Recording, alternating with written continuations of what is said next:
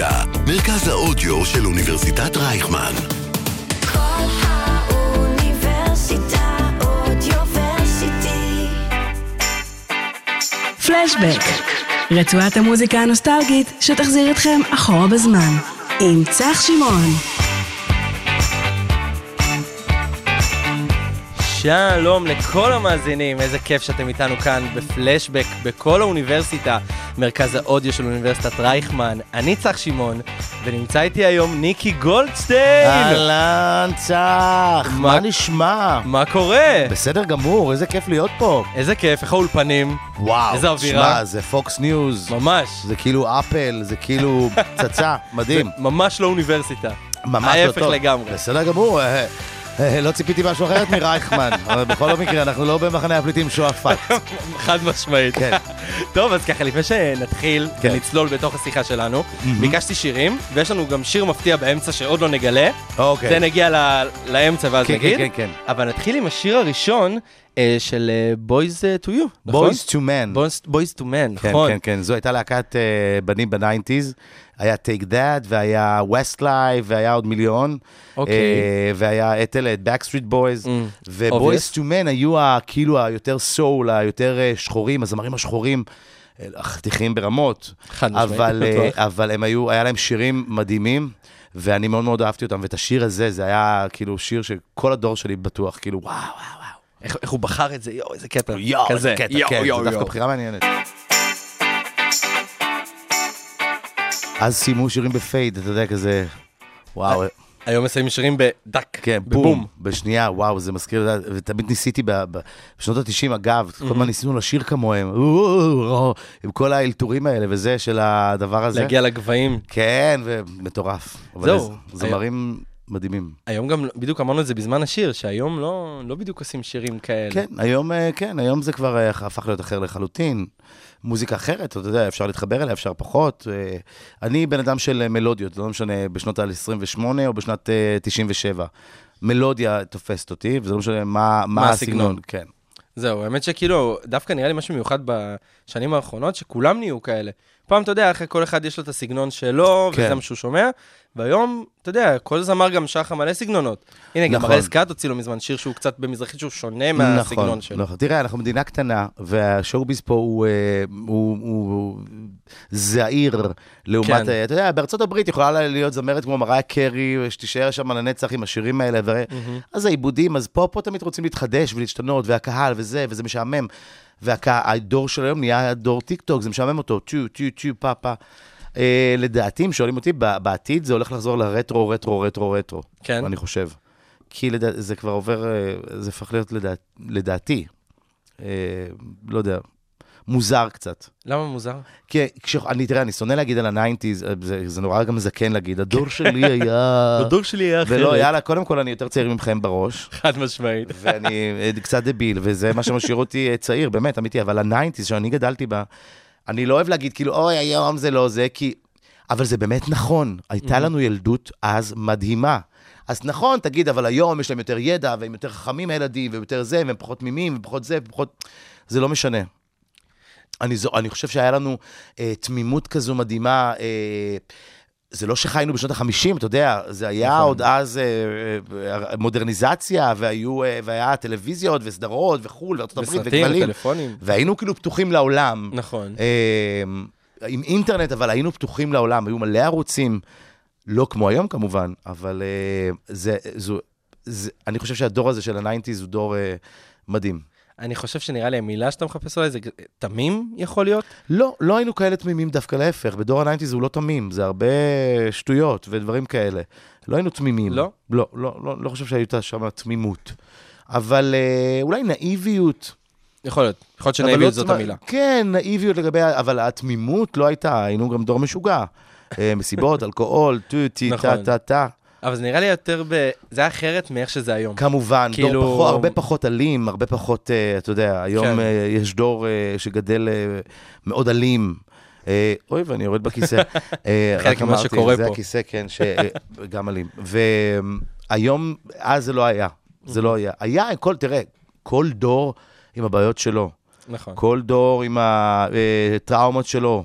אנחנו חיים במדינה, אתה יודע, של... אה, שתהיה בריאה, שיש לנו הרבה סיטואציות נורא אה, משוגעות. כל יום משהו חדש. אז כל דור גדל עם איזה, אתה יודע, הדור הזה של הילדים שלי יגדל את דור הקורונה. נכון. הם יזכרו, וואו, בקורונה, כמו שאנחנו, אני גדלתי על מלחמת המפרץ, נכון. בשנת 91. זו הייתה המלחמה עם החדר האטום והמסכות. אב"ח. זאת אומרת, הייתי אז בכיתה ח', והייתי ממש, אני זוכר את זה כמו אתמול. כן. זה היה מלחיץ מאוד. זה היה יותר מלחיץ נגיד הרבה מהיום? יותר. כי אתה יודע, גם היום אנשים עם הקורונה גם נלחצו הרבה מאז כל יותר, אז המסכות. ממ"דים וזה, והיו, ולא היה את כל הכיפות ברזל ואת הדבר הזה, והיינו שומעים בום ובום, ו... שמע, זה היה מטורף. זה היה מלחיץ. באמת, באמת. אה, אז זה הדור שלנו, זה דור הדור. מלחמת המפרץ. דור מלחמת המפרץ. כן. טוב. ובברלי הילס 9210. אה, נכון. זה הכל היה כזה. וזהו זה, ומה לא? וזה אחרת מאיך שזה היום. כאילו, אני, אני כשאמרתי חתמים נגיד, אז אתה יודע שהייתי מסתכל על סדרות גם, כי גם אני ראיתי את 9210, אחר כך אמרתי לך, אני, אני. ראיתי את המחודש, לא, אבל, אבל- אבל לא, ראיתי גם את המקורי בכל מיני חלקים. כל מיני חלקים. ואתה יודע, הייתי גם, נגיד, דודה שלי הייתה שומעת את בריטני ספירס, היא הכירה לי אותה. אז הייתי שומע איתה בחדר, ואתה, הייתי זוכר מזה, לא יודע, אני כן קורא לזה תמימות, כי זה היה אחרת. והיום... אתה מרגיש שכאילו, נגיד, אה, הזמרים, אני מרגיש את זה שמוציאים לך שירים בשביל הטיקטוק. לא נגיד כמו פעם שזמר היה מוציא שיר, כן. כי, כי הוא כותב, כי הוא יוצר, הוא רוצה להביא את זה לעולם. נכון. היום, גם לכל אחד אבל יש את זה לאו האפשרות. דווקא, על- תראה, זה, דווקא, זה, זה לאו דווקא עלינו ודור התמימות, זה לא קשור לנאיביות, לתמימות, כי העולם מתקדם היום, זה העולם, אין מה לעשות, אתה יודע, אי אפשר להסתכל במעלה איתו, ולהגיד, נכון. צריך להתקדם איתו, אבל גם, אה, גם צריכים להישאר נאמן, נאמנים למקור. נכון. במיוחד שאתה אומן. עכשיו, נכון. גם הסדרות היו, אז גם הטלוויזיה הייתה אחרת. עכשיו, סדרה כמו בברלי, שעכשיו נכנסתי פה למכללה, אה, למכללת רייכמן, שזה כאילו UCLA. דמיינת ברקע את השיר. ואני, עכשיו, אתה, אתה, אתה ראית פרקים, אני ראיתי מ-day one את הסדרה הזו. עכשיו, זה לא היה אז VOD, זה היה כל יום שלישי בשבע בערב או בשש בערב. זאת אומרת, דור שלם, שכבה שלמה חיכתה ליום שלישי הבא, אומנם פרק של 50 דקות, הרבה כן. כן. בלי פרסומות ובלי כלום, אבל... וזה היה חתיכת דבר, וזה היה דמויות על קלי וברנדה ודילן ודונה ודייוויד, ואני חשבתי שאני כל היום סטיב, איאן זרינג, אני הייתי בטוח שאני סטיב מבברלי הילס. ככה הייתי מסתובב בבית ספר? כן, בסרטים, רק נראיתי כמו שרק, איזה סטיב. ו- ובאמת, הסיפורים בסדרה הזו, אני זוכר סצנות השפיעו, זאת אומרת, גדלנו על זה, הם לא היו תמימים, כמובן שאם אתה תשווה אותם להיום, הם היו תמימות, ואם אתה תראה כן. את הצילום ואת הזה ואת ה... אז הכל, עד- עדיין זה 30 שנה אחורה כמעט, אבל זה כמעט על אותם דברים, כמעט על אותו דבר. אה, כל הבעיות החברתיות והבעיות הזה והבעיות הפה והבעיות... זה בכל דור נוגע, יש את הדברים הבסיסיים ואת הדרמות באמת ה, של, של כל דור, בכל דור ודור. חד משמעית. כל דור יש לו את נכון הבעיה מאוד. שלו. אה, טוב, נראה לי שנתחיל לדבר עליך קצת. כי אתה עליי? גם חלק מה... מהניינטיז. חלק, אבל גם לא, אני עכשיו. הייתי נער בניינטיז. אה, לא, אבל אני מתכוון, נגיד, אני אני אגיד לך רגע, שנייה. אה, קודם כל, בוא נתחיל מזה, שאני בטוח שהיום באים אליך אנשים שגורמים לך... וואי, כאילו, גדלנו עליך, כי נכון. ראינו אותך ב- בערוץ אחד, ובקשר משפחתי, נכון, וחלק זוכרים ו- אותך מערוץ הילדים. בערוץ של- הילדים, שזה היה דבר מדהים. ערוץ הילדים נכון. זה נקודה משמעותית. ערוץ הילדים, חיילים וזה, ובאים אליי, אמרו לי, תקשיב, אחי, מה זה? זה היה הריאליטי הראשון, המנחה הבא של ערוץ נכון. הילדים. אני ומיקי גבע ודנה מרמור, נכון. וזה היה מטורף. זהו, אתם ממש הייתם, אתה נגד מול- מיקי גבע, מול מול מיקי גבע, גבע, מי כן. יהיה המנחה הבא של ערוץ כן, הילדים? כן, וזה היה מטורף, וזה באמת, אה, לאז. איך אה, הגעת לזה בכלל? כאילו, איך שמעת על הדבר הזה? לא, אני הייתי מאוד פעיל, גם לקשר משפחתי, שלחתי אה, מכתב לקלאוזנר 14 בר- ברמת אביב, אוקיי. שאלו לו, "אתם- אם אתם מחפשים שחקנים למשחקי תפקידים, אני ניקי גולדשטיין, שלחתי מכתב, זאת אומרת, מאוד, אה, כן. היית כאילו, פעלת מאוד בשביל הקריירה שלך. התביישתי, כן, כן, לא התביישתי. אז, אז לא ראיתי את זה קריירה, ראיתי את זה כתחביב וחלום, אתה יודע, התקשרתי לארז טל, אה, שלחתי מכתב לארז טל בפינה שלו ברואים שש, ואז הוא הביא אותי לחיקוי ריטה, אגב, זה היה יום נכון. לפני מלחמת המפרץ, זה מדהים. וואו, זה היה ב-17 או 16 לינואר, ששם פג, אה, פג האולטימטום של ארה"ב, אוקיי. ו... וביקשו ממני גם, בגלל שבאתי לאיזה פינה לחקות את ריטה, שהייתה אז כאילו החיקוי הכי חם, ריטה בניינטיז, כולם חיקו את ריטה, ובכלל אני גדלתי עם אחיינים של ריטה, עם יושי ולירז, וארז טל אמר לי, תשאיר גם בסוף התוכנית את מחר אולי נפליג, כי זה היה בדיוק מחר, פג האולטימטום, ובאמת, מחר בלילה, אחרי בלילה של היום למחרת, פג האולטימטום. תק- תקפו את ישראל. תקפו. הייתה אזעקה בישראל. אז אה, אני מאוד הייתי כזה פושר של עצמי, לא התביישתי. כן? מאוד מאוד. מאיפה אבל קיבלת את ה- הכוחות האלה? כי אתה יודע, בסופו של דבר אתה... מהמשפחה, מהבית. תראה, זה לא אומר שלא, שהייתי חסר ביטחון עצמי, עם ערך, עם דימוי גוף שלי. אה, משהו שכבר, שגם השפיע עליי, אה, גם היום, בגלל המשבר שעברתי ב- לפני כמה, שלוש שנים. אה, עם, אה, עם אשתי ועם אייל ועם כל הדבר כן. הזה, זה גם חלק מהדימוי גוף הנוראי שהיה לי ילד שמן אה, ב- שגדל אז. ובכל דור ודור זה לא פשוט. אני נכון. אומר, אתה יודע, אם עכשיו מסתכלים לאחור, יגידו, לא, אבל אז זה היה פחות אכזרי. אני לא יודע אם זה אז היה פחות אכזרי. לי, באופן אישי, זה לא היה כל כך אכזרי, כי אני הייתי ילד למרות... אה, בעיית אה, ההשמנה שלי ושהייתי ילד שמן, אבל הייתי ילד מאוד מקובל, כי הייתי מאוד מצחיק. והדבר הזה כבר נהיה איזה, אה, זאת אומרת, אני הצחקתי את כולם כדי לכפר אותו על משהו אחר, לא משנה שזה היה לי את זה כדי ב-DNA. לקרב את כולם כדי אליך? כדי לקרב, כדי uh, שיאהבו אותי, כדי, אתה יודע, לא כן. פלא היום אני חי אה, וניזון מקהל, מהומור. כפיים, נכון. ומאנשים שבאים אה, לראות אותי, וזה זה השיט גם במקצוע, שאני, כשאומרים לי לא עליי, אז זה עליי.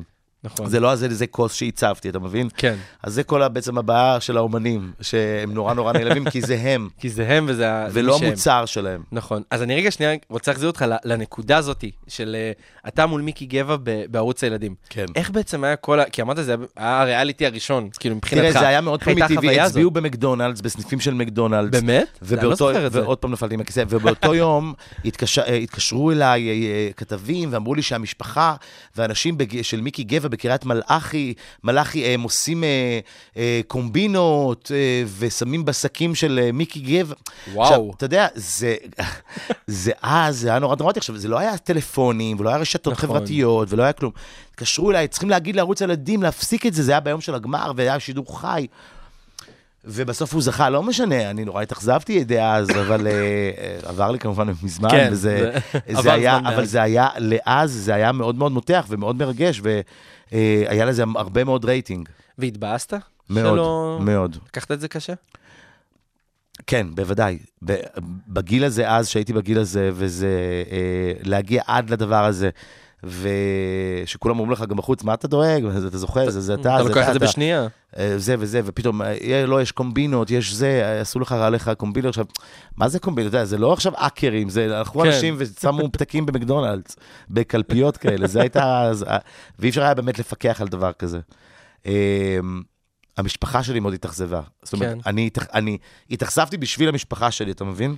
כי כאילו, אני מכיר את זה שאתה מדבר על משהו שאתה מאוד רוצה, פועל למענו, ואז אתה מרגיש שכאילו, כשלא השגת את זה, אכזבת את כל מי נכון. ששמע שאתה רוצה להשיג את זה, וכאילו נכון. זה החלום שלך לעשות את זה. נכון מאוד. יצא לך לפגוש את מיקי כאילו פה ושם אחרי זה ולדבר על מה לא, שהיה? ברור, אנחנו כן? חברים, אני, אנחנו קולגות, אנחנו מסתלבטים על זה, אני לא, לא מאשים אותו חלילה במשהו, להפך. אה, לא, שום, הכל בסדר, באמת. אה, זה באמת דברים אה, שאתה מסתכל. עליהם בקריירה, הם אה, כן. טיפשיים. ואתה יודע מה, בוא אני אחזיר אותך שנייה לקשר משפחתי. שאמרת. כן, איך כן. היה לקחת חלק ב... תשמע? זו כי- כי הייתה ערוץ חוויה. אחד היה, זה זה היה וואו. זו הייתה כאילו- חינוכית, הטלוויזיה נכון, החינוכית חינוכית. ברמת אביב, זה היה האולפנים שלהם ברמת. אביב, אה, ברחוב קלאוזנר 14. זו, הייתה חוויה מטורפת. לילד שרוצה להיות שחקן וזמר, ולהיות אה, באולפנים ומול מצלמות, ורוצה לשחק, וזה היה אימפרוביזציה, היינו באים, אומרים לנו את הסיטואציה, ו, ואתה יודע, ומשחקים. זהו, אתם ממש המחזתם סיטואציות ממש live אמיתיות. to tape, כן, כן, וזה היה, אה, זו הייתה חוויה, ואז צילמו שם את זהו זה, באולפן נכון. השני. וזה היה מדהים פתאום לראות את הכוכבים של זהו זה, את מוני וברבא וקושניר ו- ו- וגידי באולפנים של זהו זה, או פתאום הייתי רגע הולך ומציץ באולפן של דן מרגלית, של ערב, חדש, שאז זה היה, כאילו, אתה יודע, כמעט 90 אחוז כן. רייטינג. וזו הייתה חוויה מדהימה בשבילי. ובתור ילד בן 11, אתה יודע, כאילו, איך אתה רגע מעכל את כל מה שקורה סביבך? כי מבחינתך, אתה יודע, תיארת את זה עכשיו כמו ילד שהולך עכשיו סתם מאחורי הקלעים של הפסטיגל, ורואה בדיוק את כל הכוכבים שהוא אתמול ראה אותם בסדרה, והוא גדל עליהם וזה, ו- אבל מבחינתך אתה רוצה לעשות את זה, אבל כאילו, אתה יודע, ילד בן 11 קצת, אה, איך, איך הוא מעכל את זה? לא יודע, את מה שקורה סביבו. תראה, האמת, אה, זה, זה, אני, אני נורא נהנה, אני מהמם. לא, לא יודע אם אז חשבתי איך אני מעכל את זה, זה היה לי מושלם, זו הייתה לי חוויה מקסימה. אה, המשפחה שלי מאוד תמכה, אה, תמיד היו צריכים לבוא איתי. כן. אה, והרגשתי על גג העולם, הרגשתי אה, מדהים, שאני כאילו, שם ידעתי גם שאני אעשה את זה כל החיים, שכל החיים אני רוצה להיות מול מצלמות ובאולפן ולעשות, ו- זה הרגע שהבנת? שאתה רוצה... עוד לפני, אבל שם עוד יותר, כל פעם, בכל נקודה כזאת אתה מבין עוד יותר ועוד יותר. ועוד יותר. זהו, כי אני אגיד לך למה אני גם שאלתי את זה, כי אמרת מקודם שעם כל הדימוי גוף שהיה לך ובתור ילד, אתה יודע, ילדים לפעמים גם רעים בקטע הזה, ומבחינתם שהם רואים ילד אחר שהוא מצליח, הם לא לוקחים את זה, אתה יודע, בקטע של וואו, כל הכבוד. כי היו פה גם כמה אנשים שסיפרו שהם גם התחילו בערך בגיל שלך, כן, כן. והילדים בשכבה לא היו מקבלים את זה טוב. תראה, אני הייתי באמת ילד שעובד, אני בגיל 13 צילמתי סרט פיצ'ר באורך מלא, גרופי, עם, אה, של אימילי אביטל, אתם תעשה גוגל על זה, זה סרט אה, של נדב אה, לויטן, זכרו לברכה, במאי אוקיי. אגדי. אה, צילמתי בגיל 13 סרט עם דנה דבורין ומילי אביטל וצחי גרד, אה, וזו הייתה הצלחה מאוד מאוד גדולה בקולנוע הישראלי, ואני צבעתי את השיער לבלונד, כי היו צריכים דמות כן. ובאתי לשיר, וזאת אומרת, למדתי בחטיבת קלמן ברמת שרון, וזה, אני אגיד לך משהו, אמת, צח, באמת, פרגנו לי כולם. זאת אומרת, כן? אני לא זוכר... אה, לא זוכר אה, תגובות אה, רעות? לא, אני זוכר אה, עליי, על עצמי, ישמן, יעוף, ישמן, יא... אה, אבל, אבל לא זוכר בתעשייה הזו, כי אני גדלתי גם עם, עם אנשים מסביבי שהיו שחקנים וזמרים, ואתה כן. יודע, חלקם הגדול, אחרי זה מגמת תיאטרון שלי, וזה אז, אז זה היה מאוד אה, מחבק ומלטף.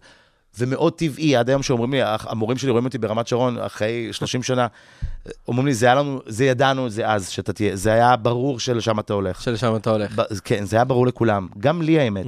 כן, ברור לי. בתור שחקן מתחיל, אתה יודע, כשאתה מתחיל משהו, אז, ואתה עוד לא בדיוק בקיא כל כך במקצוע, ואיך עושים ואיך עובדים, עושים טעויות לפעמים, בטח. טעויות של מתחילים. מלא. אתה זוכר איזה טעות אה, של מתחילים שאתה אומר, שיט, כאילו... תראה, אני, אני אגיד לך מה. זה מאוד, אה, לה- להסתכל עכשיו אחורה בדיעבד, חוכמה בדיעבד היא טיפשית, הרי אתה כן. יודע, אני יכול להגיד לך עכשיו מלא אה, טעויות, מה זה לא, טעויות? אפילו מה שאתה יכול לצחוק בחירות- עליו היום. בחירות שלי שבחרתי, אה, אתה יודע... תן לא- לי אחת, לא- נגיד, שעולה לך לראש כשאני שואל אותך את זה. אני, אתה יודע, אני כבר במקום שאני לא ממש, שאני לא יכול להגיד לך משהו שאני מתחרט עליו ברמות, אה, או טעות שעשיתי, אה, אה, אה, זה אולי טעויות בבחירה של כל מיני דברים. כמו אה, מה, אה, נגיד? אני סתם רגע מנסה להבין כזה גם אה, בין השורות את הדברים. אולי אני, אתה יודע, אני נכנסתי, מהר, ב, נכנסתי לעולם הילדים פתאום עם רינת גבאי לפני, אה, אה, היום אני בן אה, אה, 36. שאני רואה את זה בעריכת ה-. לפני אה, 12-13 שנה, ואולי ש... במקום... וזה היה לי כלוב של זהב, דבר הזה, ועשיתי שם דמות שלכת, שגם הייתי שם מאוד קומיקאי, וזה מצחיק, והייתי באמת מצחיק גם את ההורים שבאו לראות את ההצגות, ואת רינת, ועשיתי סדרות. זאת אומרת, אני לא מתחרט על זה, עשיתי דברים, אבל יכול להיות שהיום הייתי בוחר באמת להתמקד בסטנדאפ ובבידור ובהומור. ופחות אה, להתפזר ופחות כזה לדברים להתפזר אחרים? לזה ולזה ולזה. למרות שאני, אתה יודע, multi-talent היום, שאחד אחד שיכול לעשות מחזמר בברודוויי, אה, מחזמר בהבימה, ואחד שיכול להנחות תוכנית טלוויזיה, ואחד שיכול לעשות מופע סטנדאפ. ואני כזה, היום, הם כולם יכולים לקפוץ לי, כי גם למדו את זה אחרי הקורונה, נכון. שבן אדם צריך, אתה יודע, לעשות הכל מהכל. שכן, כן, זה טוב שיש לו כמה כישרונות. תשמע, זה גם בדיוק מה ש... כמו שדיברנו על השירים בהתחלה, אני חושב שכשאתה עובד בתחום הבידור בישראל, אתה חייב לדעת לעשות כמה דברים, לא רק להיות שחקן או לא רק להיות זמר, כי אחרת אתה לא, לא תשרוד או לא תתפרנס אליהם את הוואו. נכון. אתה יודע, נכון. בארצות הברית לדוגמה, אתה יכול להיות רק זמר ולהתעסק רק בזה. דווקא, דווקא אה, ב, בתחום שלי, שהוא אנטרטיינר, שהוא זה, דווקא פה בארץ הם אומרים לי, לא, אתה צריך להתמקד, אתה לא יכול להיות גם וגם וגם. דווקא בארצות הברית, גם וגם וגם, באמת? מנחה כמו ג'יימס קורדן היום, שהוא עושה, התחיל ממחזות זמר באנגליה, אה, קומיקאי, היה לו מופע סטנדאפ, ואז הוא עבר לתוכנית ל late night. כן. אה, ב- בישראל, אני חושב שהבחירות שלי לפעמים היו אה, אה, מוטעות, אבל בגדול, אני לא מרגיש, אה, זאת אומרת, אני לא מרגיש אה, שיכולתי לעשות דברים אחרת. אני חושב שמה שעשיתי עד היום, היה צריך לקרות. היה צריך לקרות, ו- ודווקא היום, אני מאוד, אני, אני רואה את זה, אני במקום הכי טוב שלי, זאת אומרת, כן. בשיא הזיקוק שלי, של מבחינת אה, הכישרון, גם המופע רץ הכי טוב, וגם עשיתי עוד מופע של שירים של צביקה פיק, וגם השירה הזאת שלי אה, חזרה אליי בגדול, כי תמיד, כי שרתי תמיד. כולם אמרו לי, מה, אתה זמר? כן, אני התחלתי כזמר, לא התחלתי כקומיקאי. נכון. התחלתי ב- ששרתי בבית, אה, שירים של וויטני יוסטון וזה וזה וזה. ו... הכל חוזר כזה, הכל אה, כאילו, צריכים, צריכים גם אה, הנכון. רגע להרפות ולנשום, ובסוף באמת לעשות מה שאתה באמת אה, מרגיש ומה שאתה יודע. נכון. ואם אתה, זה אותנטי וטוב, זה עובד. נכון. אני רוצה רגע להחזיר אותך לעוד איזה תפקיד מיוחד שעשית, של אה, יודלה, כן. מאסקימו לימון. מהמם. איך היה, אתה יודע, לקבל את התפקיד הזה, כי עשית את החידוש שלו, נכון? כן, תשמע, אפרופו נגיד טעויות ודברים כאלה, זה לא שאני... זה היה אמור להיות, אני באתי בכלל, זה סיפור מדהים, אני באתי בכלל לעשות, השתחררתי מהצבא, אוקיי. ובאתי אה, לקולנוע תל אביב הישן לעשות אודישן למחזמר היפה והחיה כקורוס. אוקיי. השתחררתי מהצבא בגיל 20, 21. כן. כאילו, אתה יודע, אני רוצה להתחיל לעבוד. נכון. היה- חשבתי אולי ללמוד בחו"ל, אבל עד שאני... אה, לקורוס היפה והחיה של סאסי קשת ורינת גבאי. אה. אוקיי. ומנחם גולן מביים. מהמם. זיכרונו לברכה. ועשיתי אודישן, והייתי מאוד טוב, ויצא אליי לאה גלובוס, אשתו של אלון גלובוס, אמרה לי, אתה יכול לבוא לאודישן עם לאה, אנחנו עושים את אסקימו לימון. והייתי אז רזה בצבא. זאת אומרת, אוקיי. בדיוק רזיתי. מהמם. והם רצו אותי וזה, ועליתי לזה איזה 15 קילו, ואז זה נמשך, וזה היה אמור להיות סדרת טלוויזיה, ואז זה הפך להיות סרט, ואז זה הפך להיות זה. וזה היה לי מאוד קשה הדבר הזה לעשות את זה, כי uh, גם מבחינה גופנית, זאת אומרת, זה לחשוף את הטוסיק ולהיות זה, ולי, שלא אחד שלא הוריד חולצה בים, זה היה מאוד מאוד uh, לא פשוט. זהו, אני כי לא, בתור לא ילד- זוכר שנהניתי אז מהחוויה הזו. באמת? זאת אומרת, בימים שהייתי יודע שיש סצנות אה, שצריכים להתפשט וצריכים זה, ופה היה לי מאוד מאוד קשה. זהו. מאוד מאוד קשה. כי בתור ילד, אה, שכמו שאמרת, עם הדימוי גוף, להוריד חולצה, אתה יודע, יש אנשים שזה בא להם מאוד כזה קשה, ברגיל. מאוד, ו- וגם בפרמיירה, שזה היה בעזריאלי, ובאו כל העולם ואשתו, זה היה לי, לראות את הסצנות האלה בקולנוע עצמו, זה, רצ, רציתי למות. היום יצא לך לראות נגיד את הדברים האלה? נגיד את הסרט הזה שעשית. אני רואה את זה לפעמים, יש, אז. יש שידורים חוזרים, כן, אני רואה, אני בכלל קשה לי לראות את עצמי בטלוויזיה. כן? כן. אתה לא רואה דברים שאתה עושה? כמעט ולא. למה? כי אתה ביקורתי מדי מאוד, כלפי עצמך? מאוד. היום כן? כבר לא, יכול להיות שהיום אני כבר אהיה אחרת, אבל אז, בזמנו, בכל ה-20 שנות קריירה, 20 ומשהו, אני מאוד, אני לא יכול לראות את עצמי. וואי. זהו, זה אני שומע את זה לי. מהרבה. קשה לי מאוד. אני אומר, אוי, איך נראית, אוי, מה לבשת, אוי, אתה נראה כמו, אוי, אוי, אתה נראה כמו בקיצור, אתה אומר, עדיף אוי." שלא... כן, כן, אוי, עדיף שלא אוי, לראות את זה. אוי, נורא, אוי, כן. אבל אז מה גרם לך בעצם באמת גם להישאר בתחום הזה, שהוא הוא לא יציב בכלל, ואתה יודע, כל פעם אתה מוצא גם משהו אחר שאתה טוב בו, ואז אתה גם מתפזר יכול להיות, ולא מתקבל על משהו, תראה, ועם הקורונה גם שהייתה, אתה יודע, זה מקצוע לא, לא פשוט בכלל. אבל זה מקצוע שאם יש לך את זה, זה, אתה לא יכול להיפטר מזה. זה מאוד קשה להיפטר מזה. זה, ואם יש לך את זה, ואתה באמת אה, כישרון, ואתה יודע מה לתת, כן. ואתה יודע איך אה, לשרוד בדבר הזה, ודווקא בגלל שיש לך הרבה כישרונות, אז אתה יכול לשרוד, אם אתה גם שר, ואם אתה גם יכול להנחות, ואם אתה גם יכול לעשות פתאום מופע שירה, ופתאום יכול לעשות אה, מופע סטנדאפ, אז זה מעולה, כי אתה יכול להמציא את עצמך, אבל אני לא רואה את עצמי בחיים עושה משהו אחר, אולי משהו בנוסף. כן, אה, אבל תמיד אבל- לצד זה. זה, זה ה- הייעוד שלי, זה ה-thing שלי, זה, זה... אני לא רואה את עצמי עושה שום דבר אחר חוץ מזה. אז איך בעצם, לא הפריע לך שאתה יודע, לכל שחקן הרי יש את הטייפקאסט שלו, והיה ברור לך מה הטייפקאסט שלך, יודלה וזה אז, יודלה אני יודע- השמן, כן, ו- כן, וזה נורא, זה נורא הציק לי, מאוד זה הציק לי. בטח רדף אותך אחרי כל פרויקט.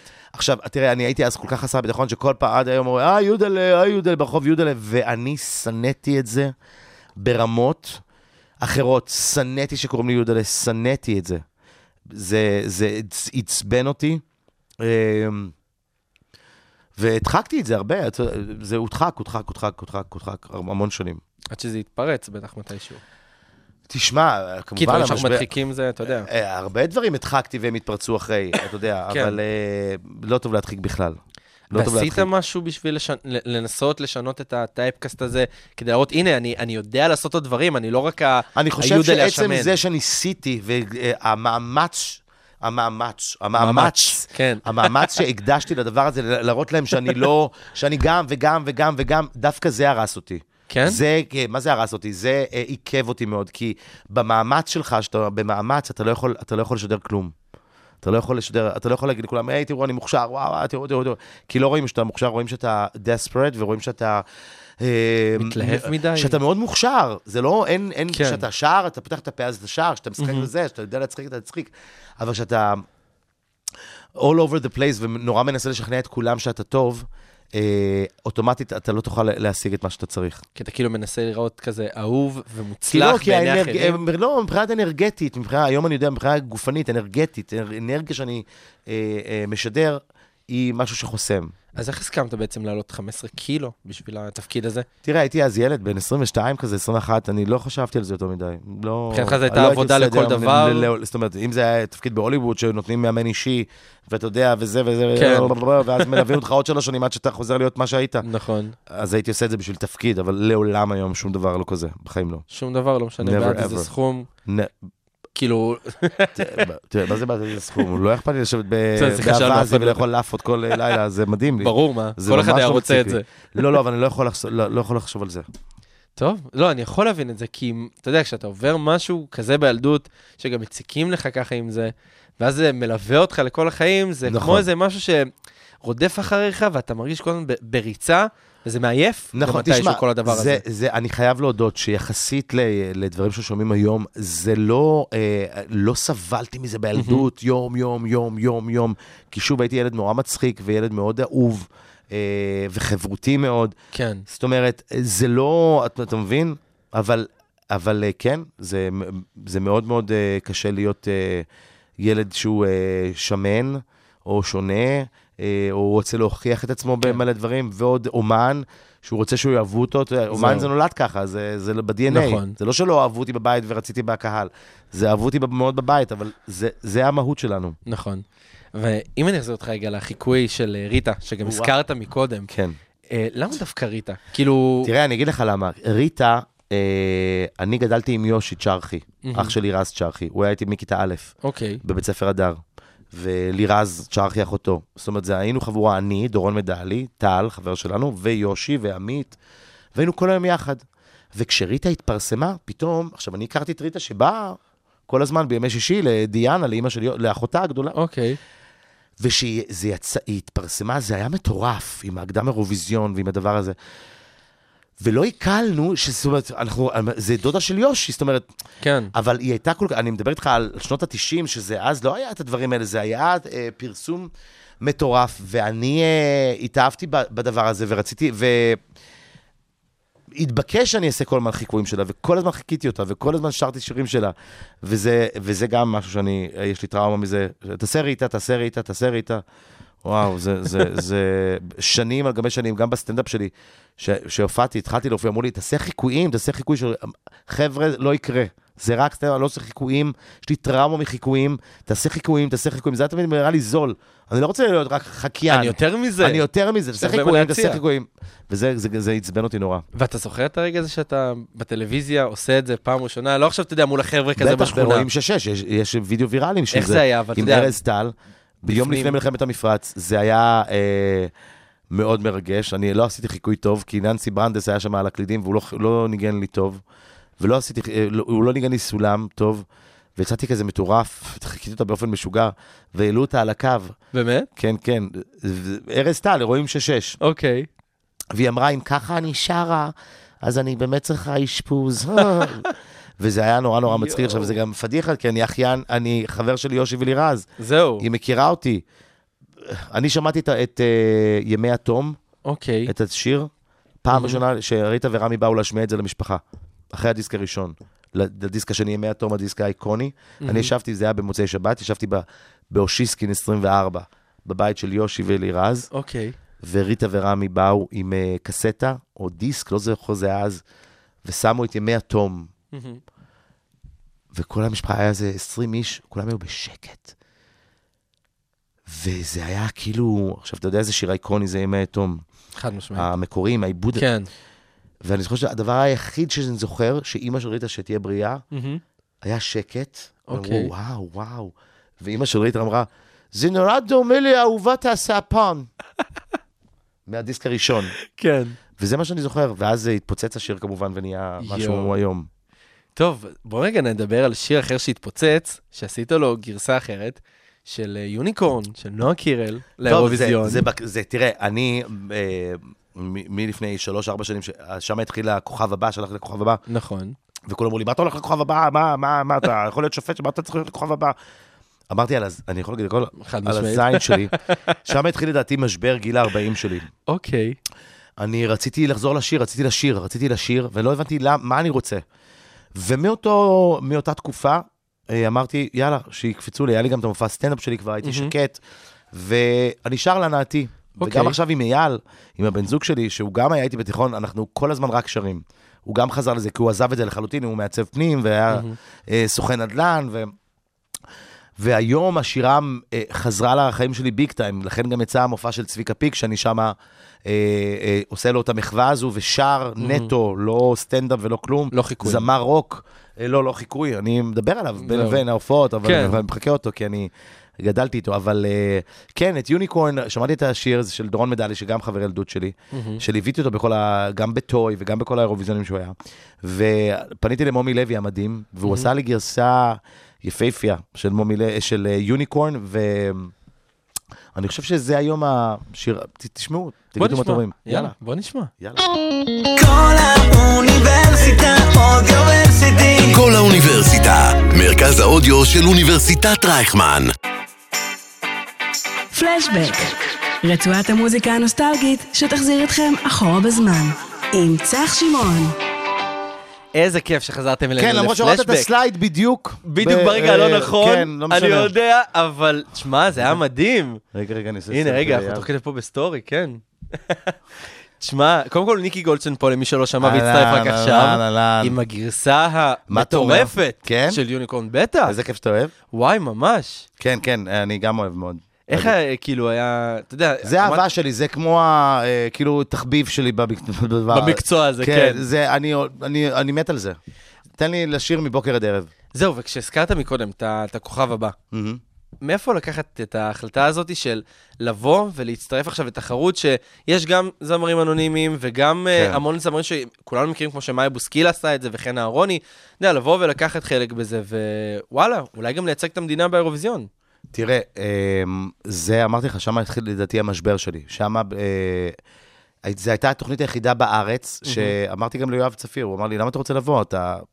אמרתי לו, כי יואב, זו התוכנית היחידה שאני יכול לעמוד עם מיקרופון, תאורה, מסך, ולשיר.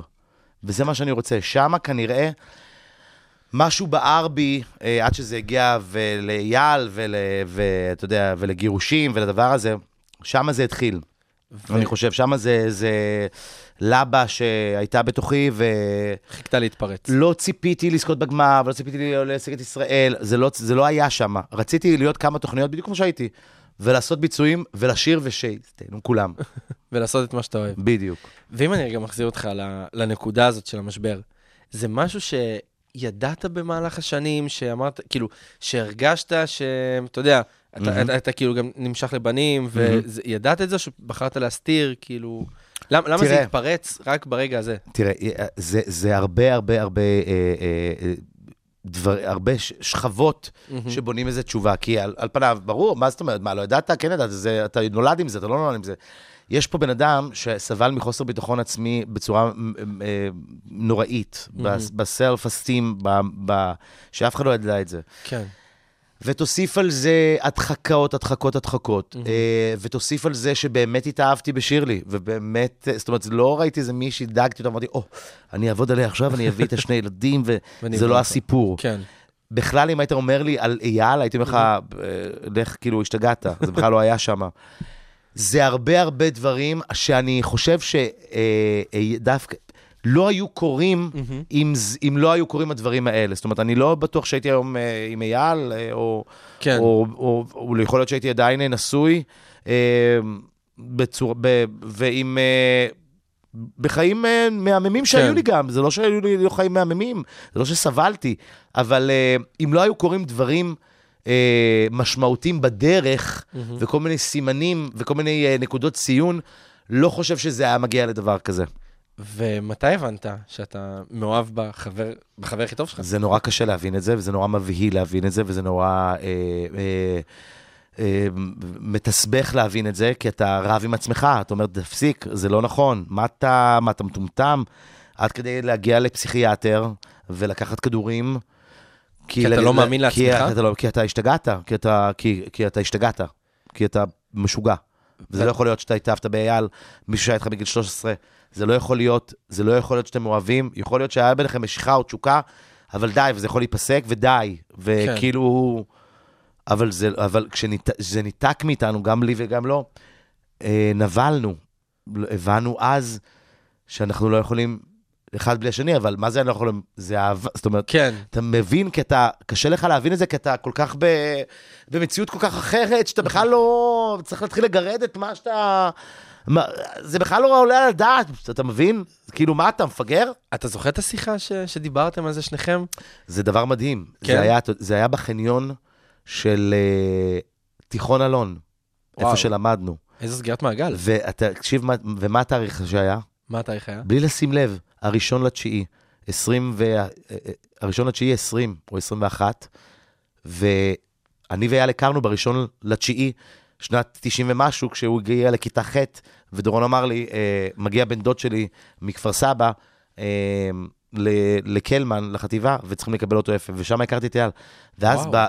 ב-12 בלילה, אחרי שהייתה לנו שיחה נורא נורא נורא עצובה, ושהבנו דברים, ובשקט, כי זה היה בחניון, ואז אמרנו, וואו, הראשון בספטמבר, ואנחנו בחניה של תיכון אלון. וזה היה רגע מאוד uh, מרגש. זהו, סגירת מעגל, אתה יודע, שנראה לי עם כל מאוד- הלחץ כן. שסביב זה, זה נותן לך איזה... לנשום כזה. זה לא נתן לנו אז לנשום. לא? לא, כי אנחנו היינו, זה משהו, אמרתי לך שוב, זה רגע מאוד מרגש, שמסתכלים על זה רגע אחורה, אבל אז זה היה מאוד מלחיץ. יש לך פה נשים, ילדים, משפחה. נכון, אבל אתה מסתכל אתה גם... יודע שאתה הולך לחטוף, אה, לעשות, להטיל פצצת אטום בעיר שלך, כן. ולהרוג הרבה מאוד אנשים, במרכאות, או להעיף מההדף המון המון אנשים הצידה. וחשבת שאתה, ברגע שהבנת את הדברים האלה, חשבת שתעבור את כל זה? שאתה יודע, תספר לשירלי ולילדים ולכל הסובבים, ואחר כך זה גם תשמע, יתפרסם בכל מקום. לא, לא חשבתי. אני, אה, אני פעלתי אז, היום אני מאומן, ואני בזה, ואני מתחיל גם קורס מאמנים. אה, כי אתה יודע, עברתי איזה משהו שאני גם רוצה כן. לנבור בנשמה שלי. נכון. אבל כשהייתי אז בדבר הזה, פעלתי, אני חושב שכמו באוטומט, לא הבנתי מה אני עושה, עבדתי מאינטואיציה, אה, ועובדה שצדקתי, אה, ופשוט פעלתי ככה, אני לא, לא יכול לשחזר את מה הרגשתי אז, זהו, חוץ זה- מפאניקה גדולה מאוד. טוב, אז בוא רגע נעבור נראה לדבר על משהו משמח. בדיוק. אה, לא, גם זה משמח ברור. בסוף. לא, כן, כי עם כל הלחץ והזה. הפסטיגל שעשית, כן. סטורי של פסטיגל, יכול לקבל, אתה יודע, אתה יודע שוואלה, רוצים אותך לקאסט, ואתה וואו. לוקח בזה חלק, תשמע- אז גם במאי פסטיגל חזרת נכון. לעשות את זה שוב. תשמע, בשבילי פסטיגל, אני ודורון מדלי וטלי, חבר הכי טוב שלי, היינו עושים את ילדי הפסטיגל בשנות ה-90, 80, היינו הולכים לכל הפסטיגלים, ובתור יל... אומן שגדל ופתאום מציעים לך את הפ... הפסטיגל, זה היה בשבילי משהו מטורף. אני, זו הייתה חוויה מדהימה. כי הפרסטיז' של זה, לא משנה שאחרי כן. חודש אתה כבר סמרטוט רצפה בדבר הזה, ואתה אומר איזה יוקרה ואיזה בטיח. אבל בסוף זה כן, זה משהו מאוד מאוד יוקרתי, וזו ההפקה הכי, הכי יפה ב, בארץ והכי מקצועית, על הבמה הכי יפה, עם התאורה הכי יפה, ועם הרקדנים הכי יפים, ועם ה- עם ההפקה הכי הרבה, עם הר- הרבה כסף. וגם שם לי, אה, הייתה לי חוויה מדהימה, עם, ונשארתי חבר מאוד טוב של עומר אדם, ושל עדי חפשוש, נכון. ושל אה, שירה לוי, ושל אליאנה וליבי.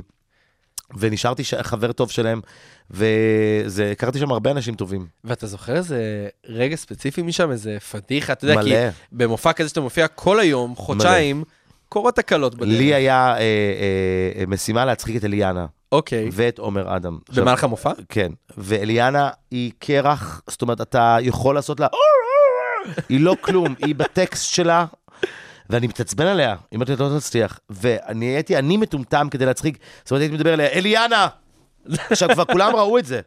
עכשיו, היא הייתה מסתכלת עליי, כאילו, ופעם אחת הצחה, ופעם אחת היא באמת התפוצצה מצחוק, אוקיי. והמפיק של הפסטיגל בא אליי, אומר לי, לדעתי, שבע, שמונה עונו, שנים, אף אחד לא הצליח חוץ ממך, אתה צריך להיות גאה בזה. שברת את הקרח. כן, ואני התחלתי את הפסטיגל גם בקשור כזה למעלה, נכון. ב- באיזה...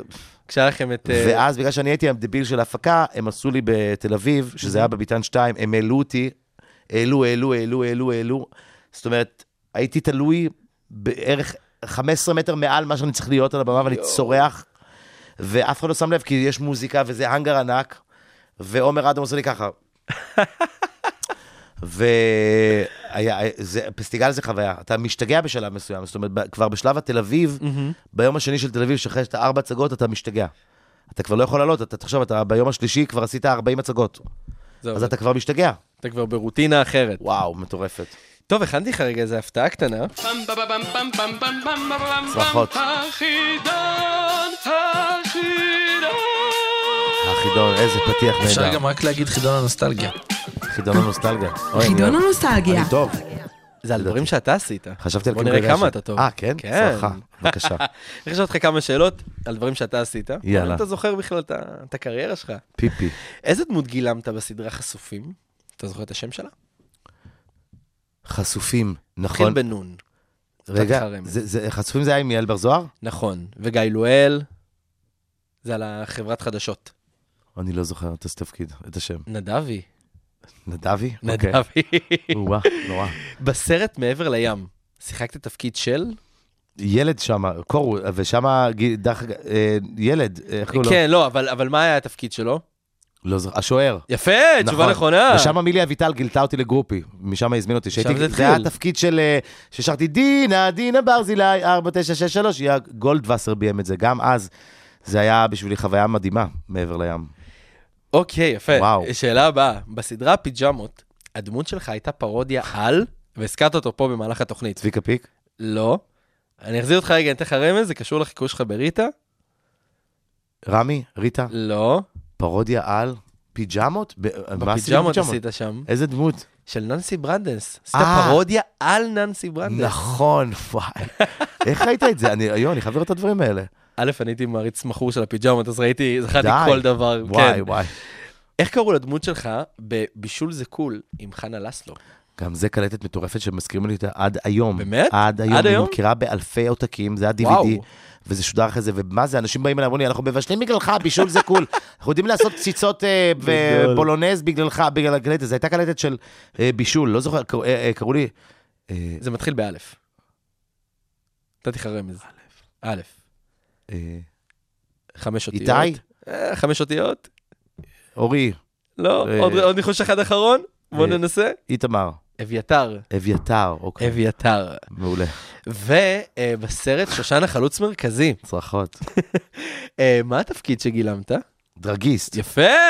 אני זוכר את זה. נכונה. עם גל גדות. וואי, איך היה לקחת שם חלק ב... גם כיף, בסרט, כיף, כן? כיף, כיף. ולגלם... אה, כי אמרת בהתחלה, שבתור ילד נראית כמו דרגיסט, ופתאום להגיע לסרט ולגלם מלכת דרג, לא, שם היה לי בסדר, שם היה לי כיף נורא. עכשיו זה היה סבבה. כן, כן, כן, זה כבר הייתי במצב, אתה יודע, שכאילו, אבל היה- זה היה, כן, היה נחמד. יפה. טוב, אני רוצה שנייה לדבר איתך על הסטנדאפ, כי אנחנו ממש ככה. לקראת סיום. מה, כבר נגמר? כן, אתה יודע, ככה זה כשנהנים. נורא מהר עובר. איך הולך המופע החדש? איך הולך וואו, איתו? מדהים. זה- כן? זה ה baby שלי, זה הדבר שאני הכי אוהב לעשות. לבוא אה, לאולם אה, של אה, של אנשים שקנו כרטיסים, שזה גם דבר מדהים, מרגש אותי עד היום, שאנשים באים וקונים כרטיסים ובאים לראות אותי. אני מרגיש סוג של שליחות, אתה יודע, להצחיק אותם שעה ועשרים, זה דבר מדהים. לראות- לשמוע קהל צוחק, זה כמו אה, סמים, תסלח לי, זה כמו... אה, אה, זה ממכר, אפשר להגיד. זה גם ממכר וזה גם אה, מאוד מאוד מספק, כי כשאני מקבל הודעות מחולים כימותרפיים שאומרים לי, וואו, עשית לנו זה מד, אה, מדהים, שעה וחצי שכחנו מהדבר הזה. אפילו למחרת אה, המדדים שלנו עלו, והיה לנו. טיפול, ועברנו את הטיפול מדהים, ואימא שלי כל כך נהנתה וצחקה, ושעברה תקופה... זה הדבר שהכי מספק אותי, שבאמת, שאנשים, שהם באו, ובאמת אה, אה, צחקו, עשו מסאז' לנשמה, כי היום צחוק, באמת, אה, דבר, אה, נכון. מצרך נדיר, שצריכים לצחוק, וחייבים. חייבים לעשות מכל דבר בסוף, לא מכל דבר, אבל צריך לדעת לצחוק על דברים, כי אחרי זה לא נרפאים מזה. זהו, גם במופע שלך אתה מביא הרבה סיטואציות מה- מהחיים שלך. זה הכל על החיים זה שלי. הכל, אבל איך, זה- שום דבר לא מומצא. כן, אבל אתה יודע, בסופו של דבר, איך אתה בוחר מה, מה להביא ומה לא? כי נראה לי יש גם את הגבול של כמה אתה רוצה להביא את כל החיים שלך חשופים על, על אה, הבמה. ברור, ברור, אבל אה, אה, אני כמעט מביא הכל. והמופע הוא מאוד אלסטי ומאוד עדכני, כי אם חזרתי מחו"ל עם הילדים וביורודיס, באורלנדו, ב- בכל הפארקים האלה, והיה לי אוקיי. נורא. ואני, זאת אומרת, אני עולה ומספר את זה לקהל, זאת אומרת, אני לא כותב, אין לי טקסטים. זה, זה ממש כאילו, באים אליי לסלון, שומעים אותי שעה ורבע את השטויות שלי והולכים. והולכים הביתה. כן, כן, וזה הדבר הכי כיפי, כי זה באמת מופע שהוא מופע סטנדאפ אחר קצת, הוא לא מכירים את זה שבאים לתור, זה ממש סיפורים. עכשיו, הדבר המדהים הוא שזה סיפורים שכולם באמת יכולים לזדות, כי לכולם זה קורה, ולכולם. יש בעיות עם ההורים שלהם שמתבגרים ולא מכירים את השלט אה, בטלוויזיה, ולכולם אה, עשו פעם, אי פעם דיאטה, כמעט כולם, וזוגיות, וילדים, ובתורים, ובסופרים, ובאמת בחוויה אה, המטורפת שאנחנו חיים בה, ובאמת יש לי חיים שהם קומיים, לא הכל קומי, זאת אומרת, במשבר שעברתי לא היה בו, לא, בו טיפה קומיות, אבל שגם היום אני צוחק על זה כבר, שזה דבר טוב. נכון. אה, אבל אה, החיים שלי באמת הם מצחיקים, יש סיטואציות באמת מצחיקות, שאני אומר לעצמי, וואי, אם הייתה פה עכשיו מצלמה, לא יאמינו לי. וזה, כנראה אני מזמן לעצמי את זה, כי אני דביל. דביל אבל אה, בסדר, בקטע טוב. בקטע טוב, כן, חד משמעית. דביל, ברמות. אני ילד דביל. תן לי סיטואציה כזאת. שאתה מספר במופע, והסיטואציה הכי טובה, שכולם צוחקים ממנה, כל הופעה כאילו... אה, הקטעים הכי... הכי וואו. טוב, הכי טוב שלך. תראה, היה לי בהופעה הקודמת שהייתי נשוי את אה, סיפור פריימרק עם אה, אוקיי. אשתי, עם שירלי לשעבר, עם שירלי, עם אשתי לשעבר, עם שירלי לשעבר. שירלי שהייתה לשעבר. נכנסת לפריימרק, וזה היה כאילו אה, תופעה של ישראלים מטורף. היום נורא עובד ההורים שלי עם השלט. אה, מה היה של- בפריימרק? היא גמרה את הפריימרק, זה היה שם כמו מיני פיגוע כזה, זה היה מיני נוראי. פיגוע? כן, היא קנתה שם ברמות שאני לא, באמת לקחתי רקוקסיה בסוף ה... אה, בשש, שבע שעות שהייתה שם בטוטנאם. ואני מדבר על היום על ההורים שלי עם, אה, עם הטכנולוגיה הזו שהם לא יודעים כלום, ועל בכלל הילדים ועל הבית ספר, שהמורות מתקשרות אליי, ואני הייתי ילד מופרע, ויש לי ילד שהוא מינימי שלי, והוא התיקון שלי, אור אריה, הוא, אוקיי. הוא תרכיז שלי, הוא מרוכז מאוד, הוא אני כפול מיליון. וואו. וזה מפחיד מאוד, כי אני... יש לך מראה של אה, עצמך. המראה חושר. עכשיו, אני מת על הילד הזה, ועכשיו מתקשרות אליי המורות, וכל יום, בוא לקחת אותו, בוא לקחת אותו, בוא לקחת אותו.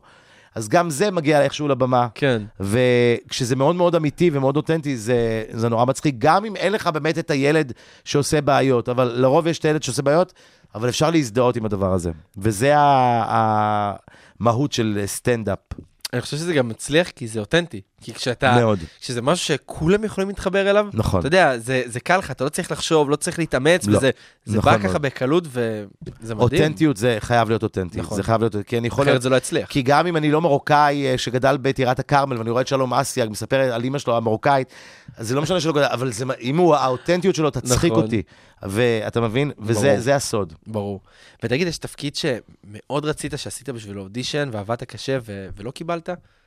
חוץ מנגיד, אתה יודע, נדבר כן. על... שדיברנו על מנחה ערוץ הילדים. כן, כן. איזה תפקיד יש לי זה קטע היה? עם הנחיה. אני uh, כמעט נבחרתי להנחות את הגרין רום uh, באירוויזיון שהיה פה בישראל. אוקיי. זאת אומרת, עד שאסי נכנס, אסי עזר, שהיה מדהים והיה מדהים, אבל אז מהמם. אסי לא דוב... זה, הוא לא דובר שהוא יהיה, ועשו כן. אודישנים ורצו איזה קומי... עשיתי אודישן מדהים, ובסוף, אה, ובאמת, כמעט, רצו אותי כבר, האיגוד האירופאי, ממש, וגם ולא. לא, לא אבל בסדר, מה לעשות? לא, לא. אנחנו, זה, רע- זה דברים כאלה בסופו של דבר מחזקים אותך, נכון. וזה fucking המקצוע, אין מה לעשות. ואם אני אדבר איתך יותר על, על המקצוע הקשה הזה, שגם הזכרנו אותו פה מלא פעמים, שהנחית את העונה הראשונה של uh, קארפול, ועונה אחר כך אתה, אתה לא נמצא. וזה קרה, אתה יודע, המון פה עם המון תוכניות, כן. נגיד כמו המרוץ המיליון. אבל זה לא, זה לא משהו שתלוי בי. אני קודם כל, אה, קרפו קאוקי, אני הבאתי לישראל, אני ראיתי, שלח לי איזה חבר שגר במיאמי, בתוכנית הראשונה שהייתה, הפינה הראשונה, הוא שלח לי, הוא אמר לי, ניקי, אוקיי. that's you, you have to do it. ואני פותח בחמש בבוקר, שבע בבוקר את היוטיוב, אני רואה את ג'יימס קורדן, ואני אמרתי לעצמי, אני הולך לעשות את זה. ימות העולם, זה יהיה שלי. והגעתי עד ל-BBC, עד ל-CBS, כמובן, עזרו לי וזה וזה, ואז המפיק שהביא את זה, שקנה את הסברס, שגילון פריאל, שזה מפיק שהסתבך וזה, והוא נאלץ לוותר על הזכויות, אני לא ידעתי, ואז לקחו את זה חברה אחרת והכניסו את אודי, אבל זה בסדר גמור, נהניתי נורא לעשות את הדבר הזה, עשיתי את הגרסה הכי יפה שהייתה uh, ever, uh, הכי מקצועית, הגרסה שבאמת דמתה, עכשיו מה שאודי עושה, הוא פחות מהמקור, הוא פחות דומה למקור, אבל אני עשיתי ממש את המקור, והיה לי uh, מושלם ומדהים. וואי, מדהים. ואם אני כבר מדבר איתך על עוד משהו ככה לקראת הסוף, מה הדבר שהכי מעצבן אותך? אתה יכול לחטוף את הקריז של החיים מהדבר הזה. כו- התקרבנות, גזענות, אה, קמצנות. מ- מעצבן אותי אה, שהעם שלנו מאוד מאוד אה, שסוע עכשיו ומפולג, ואני מטיל אחריות רק על הממשלה. שגורמת לשיסוע הזה, גם מהצד הזה וגם מהצד הזה, זה לא. שאני לא, עכשיו... ברור. וזה מאוד מאוד מעצבן אותי, מאוד מאוד מעצבן אותי שאנשים משתמשים בזה, אה, וככה, אתה יודע, אה, מרשים לעצמם לומר דברים, גם חברי הכנסת וגם אה, טוקבקיסטים והאנשים כן. האלה. מעצבן אותי האנשים האלו שמרשים לעצמם לכתוב מה שהם רוצים בטוקבקים, ואיך שהם יודעים, ומה שהם רוצים, ומה שהם אומרים, והם לא קולטים שיש ילדים, ויש זה, ואנשים שופטים אותך היום מאוד מאוד מאוד מאוד, אה, והם לא מסתכלים על עצמם, אבל בדרך כלל זה אנשים ש... אתה יודע, שמדברים מתוך הפחד של עצמם, אז גם על זה לומדים. ואם. הזכרת את זה, אתה יודע, אני חושב שבשנים האחרונות כל אומן, בין אם זה שחקנים, זמרים, לא היו מרשים לעצמם להביע את הדעות שלהם. כי בסופו של דבר אנחנו בני אדם, לכל אחד יש את הדעה שלו לפה לשם. נכון. ודווקא משהו ב, בתקופה האחרונה גורם לכו, להרבה מאוד נכון. לצאת ו, ולהגיד את זה, כי שחקנים נגיד, או זמרים, פחדו לאבד את, ה, את העבודה שלהם, את המעריצים שלהם, בגלל זה. כן. וזה מפחיד אותך פתאום שאתה יודע, יגיע איזה משהו, תרצה להביע את דעתך, כנראה לא כולם יסכימו עם זה, ו- ויצאו עליך על זה. תראה, צריך להיות מאוד חכמים בדבר הזה. אני באמת גם עד עכשיו לא, כמעט לא הבעתי את דעתי, הדבר הזה עד שהיה הפיטורים של שר הביטחון, ושם באמת עלה לי. ואני היום כנראה גם התבגרתי, ואני, I don't give a fucking uh, care ומה יגידו, כן. וזכותי להגיד את, את, את מה שאני חושב. אני חושב שזה צריך להיות בחוכמה ובמינונים, וכי יכול- בכל מקרה, כי after all, אני באמת, התפקידי ב... בדבר הזה זה באמת לתת פלז'ר לאנשים ולהצחיק אותם, אבל כן, גם יש, אה, יש, יש גם עוד צדדים, נכון. ויש גם עוד אה, דברים, ולא כל הזמן צריך רק להצחיק. נכון. טוב, אז ניקי, ככה שאלה לסיום. כן. אה, איפה אתה רואה את עצמך עוד חמש שנים? בקלבאסס, קליפורניה שכן של קים קרדשיאן וקיילי. אה. וואו, אני רואה את עצמי אה, אה, עם תוכנית טלוויזיה ועם אה, אה, מופע מצליח, ועם אייל בזוגיות מעולה, ועושה כיף, ונהנה מהחיים, ועושה מסיבות, ועושה... וגורם לאנשים לחייך, ונהנה מהחיים, ו... מדהים. ושותה מלא רוזה עם קרח, אה, מלא מיקרונוס, מלא ביזות, מלא מדהים. קוסטה ריקות, מלא שטויות, וגם דברים טובים. כאילו, ברור. גם מלא עבודה גם כיפית, יאללה, מדהים. וכאילו, סומו העולם. ניקי, תודה תודה רבה. רבה. היה לי מצחיק, היה לי כיף, וגם בכיף גדול, מרגש. גם לי. אז אני אגיד לך תודה רבה, ונגיד לנו רבה. תודה לעוד כמה אנשים שבזכותם הדבר הזה בוא קרה. נגיד. לתומר פרישמן, מנהל הדיגיטל. נהדר. לרוני רהב, המפיקה האגדית? שזה לא היה קורה מכיר? בלעדיה. מי לא מכיר את רוני רהב, שהיא ה- אה, אה, זה של רני רהב? כן. ממש. לנויה בן ארוש ודניאל גולדברג. נהדרים. צוות הדיגיטל שלנו, תודה רבה, אני הייתי צח רבה. שמעון. צח, תודה לך, לך, חיים. תודה רבה. תשכחו לשמוע את הפרק בכל אפליקציות הפודקאסטים, ביוטיוב, באתר שלנו. אנחנו נתראה כאן יום שלישי, שעה ארבע. תהנו, ונסיים you. השיר האחרון של רוקסט. It must have been love. יאללה. גם משהו מה-90's. פלשבק, רצועת המוזיקה הנוסטלגית שתחזיר אתכם אחורה בזמן.